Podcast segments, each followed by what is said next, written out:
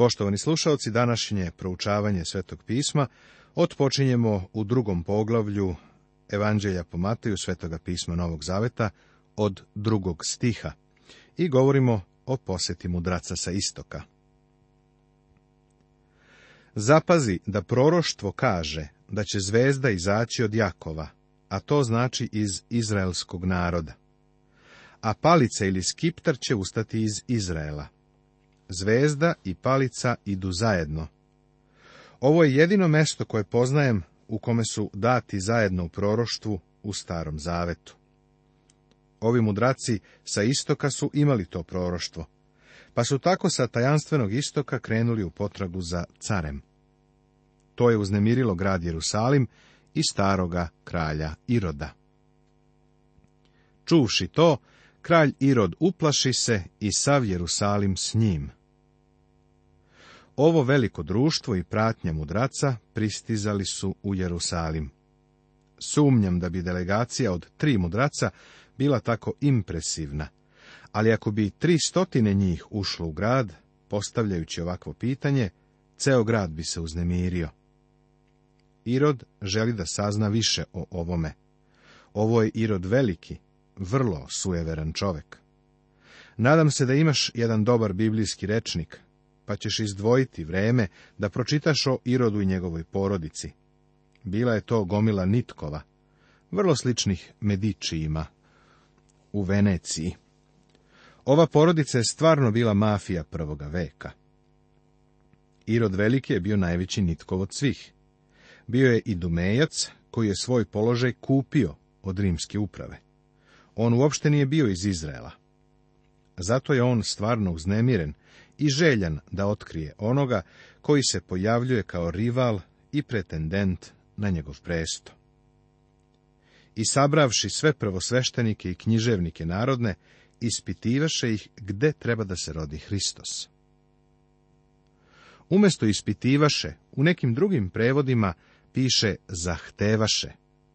Rekao je, znam da imate pismo i u njemu izveštaj o Mesiji koji će doći. Hoću da znam gde će se roditi. Zapanjujuće je to što su oni mogli da mu to kažu. A oni mu rekoše, u Vitlejemu judejskom, jer je prorok tako napisao. I ti, Vitlejeme, zemlju judina, nikako nisi najmanji među vladalačkim gradovima judinim, jer će iz tebe izići vladar koji će pasti narod moj, Izraelja. Kada je Irod pismoznancima, književnicima u našem prevodu, postavio ovo pitanje, oni uopšte nisu morali da pretražuju po pismu. Oni su znali gde to piše. U knjizi proroka Miheja, u petom poglavlju, u drugom stihu, svetoga pisma Starog Zaveta. U stvari, nisu morali ni da otvore tu knjigu, jer su stihove znali na pamet.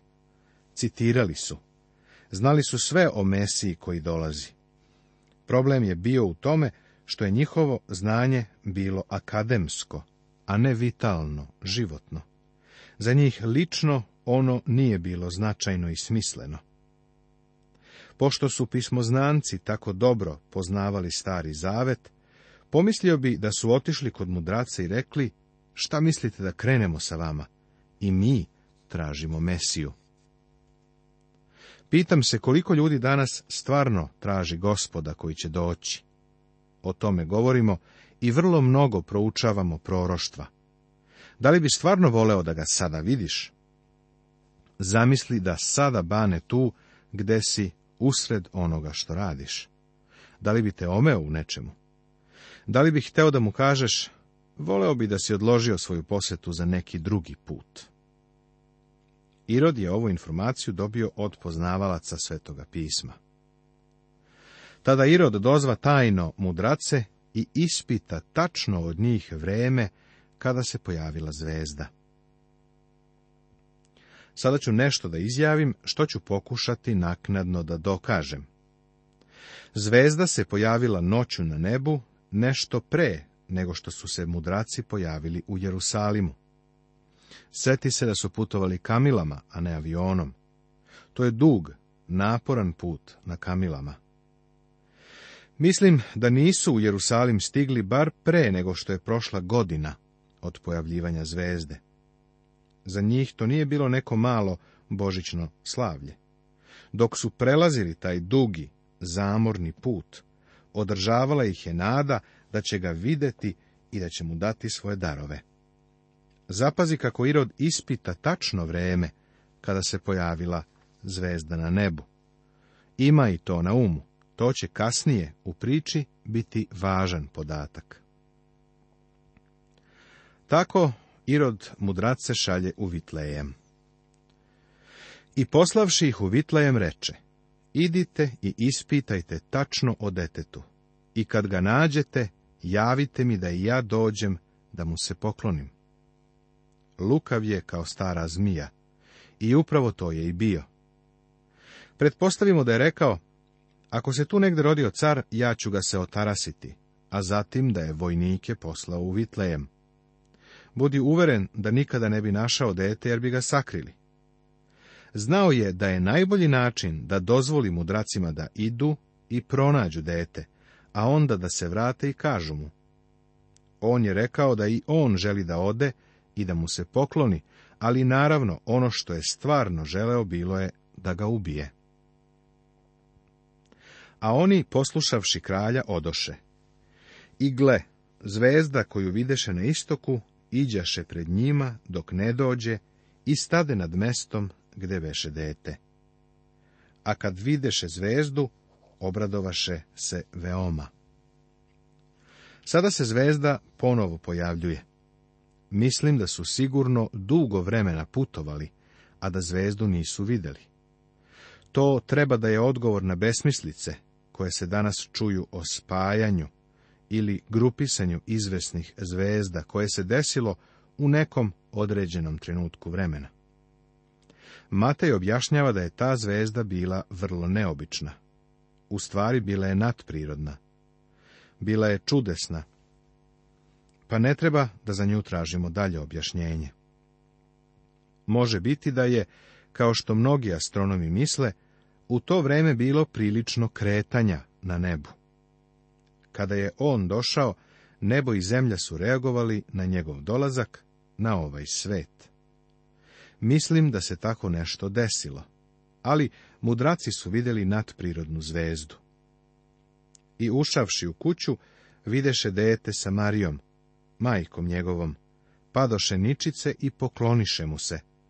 Otvoriše svoja blaga i prinesoše mu darove, zlato, tamjan i smirnu.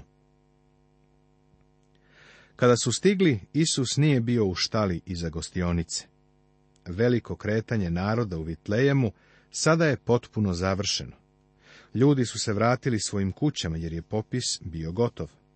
Ali ova mala beba je tek bila rođena, pa oni nisu mogli da krenu još neko vreme. Verovatno bi ovakav put ugrozio život ovog mališana. Zato su ostali u Vitlejemu i premestili se u kuću. Mudraci su ga našli u kući. Ponovo božićne čestitke nam pokazuju kako mudraci dolaze u štalu. Pa ukoliko im Josif nije pokazivao štalu, oni ne bi ni znali gde je ona bila, jer oni su došli u kuću. Molim te da zapaziš da kada su malo dete vidjeli se njegovom majkom Marijom, oni su pali i poklonili se njemu. Ako je ikada postojalo vreme da se neko pokloni Mariji, to je bilo tada. Ali oni se nisu poklonili njoj, to su bili mudraci. Oni su se poklonili njemu i dali mu svoje darove, zlato, tamjan i smirnu. Veoma je zanimljivo proučavati podatke o njegovom drugom dolasku, kao što je pokazano u knjizi proroka Isaije u 60. poglavlju, u 6. stihu, Svetoga pisma Starog Zaveta. Mnoštva kamila prekrili ćete, dromedari iz Madijama i Jefe, svi iz Save doći će, zlato i kad doneće i slavu gospodnju javljaće. Koji dar je izostavljen za Hristov drugi dolazak. Smirna. Oni ne donose smirnu, jer smirna govori o njegovoj smrti. Kada on drugi put dođe, ništa neće govoriti u njegovoj smrti. Zlato ukazuje na njegovo rođenje. On je rođen kao car. Tamjan govori o mirisu njegovog života. Smirna govori o njegovoj smrti. Sve ovo je nagovešteno u darovima koji su mu doneli kada je prvi put došao. Ali, kada sljedeći put bude došao, neće mu doneti smirnu. Kada opet dođe, neće doći da umre na krstu za grehe sveta, jer doći će kao car nad carevima i gospod nad gospodarima. I pošto su u snu bili poučeni da se ne vraćaju Irodu, vratiše se drugim putem u svoju zemlju. Mudraci su pretpostavili da je Irod iskren i ozbiljan i da je želeo da dođe i pokloni se detetu. Međutim, da anđeo gospodnji nije upozorio mudrace da se u svoju zemlju vrate drugim putem, on bi ubio dete. Možda su nastavili južno, ka Hevronu, a onda prešli preko mrtvog mora, tako da su potpuno bili izvan Irodovog domašaja. Beg u Egipat A kad oni odoše, gle anđeo gospodnji javi se u snu Josifu i reče, Ustani, uzmi dete i majku njegovu, pa beži u Egipat, i budi onde dok ti ne kažem, jer će Irod tražiti dete, da ga ubije. Anđeo gospodnji se javio Josifu i rekao mu da dete odvede iz Vitlejema, jer će Irod pokušati da ga ubije. A on usta, uze dete i majku njegovu noću i ode u Egipat. Zapazi trenutnu Josifovu poslušnost. I beše onde do smrti Irodove da se ispuni reč koju je gospod rekao preko proroka, iz Egipta pozvah sina svoga. Ovo je citat iz knjige proroka Osije, iz prvog poglavlja, iz prvog stiha, svetoga pisma Starog Zaveta. To je čudesno proroštvo, jer ima istorijsku osnovu. Iz Egipta je pozvan sin, a to je narod, a iz Egipta je pozvan sin, osoba dete. Tako je Josif uzeo dete i majku i odveo ih u Egipat i tamo je ostao sve dok ga Bog nije pozvao. Tada Irod, videvši da su ga mudraci obmanuli, razgnevi se vrlo, posla i pobi svu mušku decu u Vitlejemu i svoj njegovoj okolini, od dve godine i niže, po vremenu koje je tačno doznao od mudraca.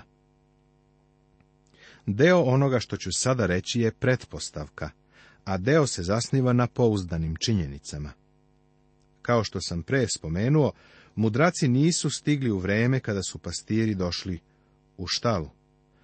Mudraci su došli kasnije, a prema stihu 11. porodica se do tada premestila u kuću. Kada je Irod imao tajni sastanak sa mudracima, on ispita tačno od njih vreme kada se pojavila zvezda. Pretpostavljam da su mudraci rekli, pa otprilike pre godinu dana. Ako je tačno naše mišljenje, da su mudraci stigli sa sva četiri kraja istoka, da su se okupili na određenom mestu i onda zaputili ka Jerusalimu, tu se onda utrošilo dosta vremena, jer se putovalo kamilama, a ne avionom. Možda je prošla godina, ili čak i više, ali Irod je bio tako besan, što se mudraci nisu vratili i izvestili ga o detetu, da je verovatno rekao sledeće. Pa, ako su rekli da su zvezdu vidjeli pre oko godinu dana, ja ću to duplo da povećam na dve godine, pa ću ubiti svu decu od dve godine i mlađu. Irod je stvarno bio lud. Tada se ispuni ono što je rekao prorok Jeremija. Glas u rami čuse, plači jauk mnogi, Rahilja oplakuje svoju decu i neće da se uteši, jer ih više nema. Ovo je neobično proroštvo. Jeremija nije rekao da će se plač čuti u Vitlejemu. Siguran sam da je velika žalost bila i u Vitlejemu. Ali Jeremija spominje Ramu, a Rama je bila udaljena od Jerusalima severno, otprilike koliko i Vitlejem južno. Uzgred, Rama je bila Jeremijina zemlja. Zamišljam kako je kada je vojnicima dato naređenje da pobiju decu, neki kapetan rekao Irodu, gde hoćete da počnemo? Mislim da je stari Irod kazao, napravi krug oko Jerusalima i to tako širok, koliko su Rama i Vitlejem na sever-jug udaljeni od grada. Ipak, Rama uopšte nije bila deo svega ovoga. Vidiš, Irod je pobio mnogo dece. Možeš zamisliti plač koji se protezao od Vitlejama do Rame, u poluprečniku od oko 18 km ili 50 km duž čitave oblasti. Bilo je to preteško vrijeme u životima tog naroda, kada su izgubili svoje mališane. Proroštvo dato preko Jeremije doslovno se ispunilo. Povratak u Nazaret A kad je umro Irod, gle anđeo gospodnji se javi u snu Josifu u Egiptu. Moram da privučem tvoju pažnju na ovo. Kazano nam je da se anđeo gospodnji javio Jakovu na Fanuilu. Ovo je zapisano u prvoj knjizi Mojsijevoj, u 32. poglavlju Svetog pisma Starog Zaveta. Evo i ovde anđela gospodnjeg. Anđeo gospodnji je preutelovljeni Hristos, a sada je Hristos tamo u Egiptu. I reče, ustani uzmi dete i majku njegovu, pa idi u zemlju Izraeljevu, jer su umrli koji su tražili život detinji. Od suštinske je važnosti da Isus izađe iz Egipta i vrati se u Izrael. Najvažniji razlog je što je rođen pod zakonom, pa mora i da živi pod Mojsijevim zakonom. On je jedini koji ga je ikada i održao on mora da ode ispod egipatskog uticaja. Ne treba da se odgaja tamo gde su bili Mojsije i deca Izraeljeva kada su postojali kao narod u Egiptu. A on usta, uze dete i majku njegovu i pođe u zemlju Izraeljevu. Čuvši pak da Arhelaj vlada u Judeji umjesto svoga oca Iroda, poboja se da ode tamo, nego poučen u snu ode u krajeve Galilejske. Usput, Arhelaj je bio drugi Irod i bio je vrlo brutalan. I došavši nastani se u gradu zvanom Nazaret, da se ispuni što su rekli proroci, Nazarećanin će se zvati. Nazarećanin će se zvati. Jevrejska reč za Nazaret je Netzer, što znači grana, ili mladica. Izdanak. Nazaret je tako nazvan jer je bio beznačajan. Proroštva u knjizi proroka Isaije u 11. poglavlju u prvom stihu, u 53. poglavlju drugi i treći stih i u psalmu 22. šesti stih Svetog pisma Starog Zaveta sadrže termin Nazarećanin. Ali gospodu Isusu je dat taj naziv ne samo zato što je on bio šibljika iz stabla Jesejeva, nego što je odrastao u gradu Nazaretu, pa je zato nazvan Nazarećaninom. I tako se proroštvo ispunilo. Tako, vidjeli smo sva četiri proroštva koja se odnose na mesta ili odredišta vezana za Hristovo rođenje. Rođen u Vitlejemu, pozvan iz Egipta, plač se čuo u rami, nazvan je Nazarećaninom. Sva ona su se vrlo prirodno ispunila. On je dotakao tlo svih tih mesta i ono što je izgledalo vrlo čudno proroštvo, postalo je vrlo razborita stvarnost. Poštovani slušaoci, ovim smo završili drugo poglavlje Evanđelja po Mateju, Svetoga pisma Novog Zaveta.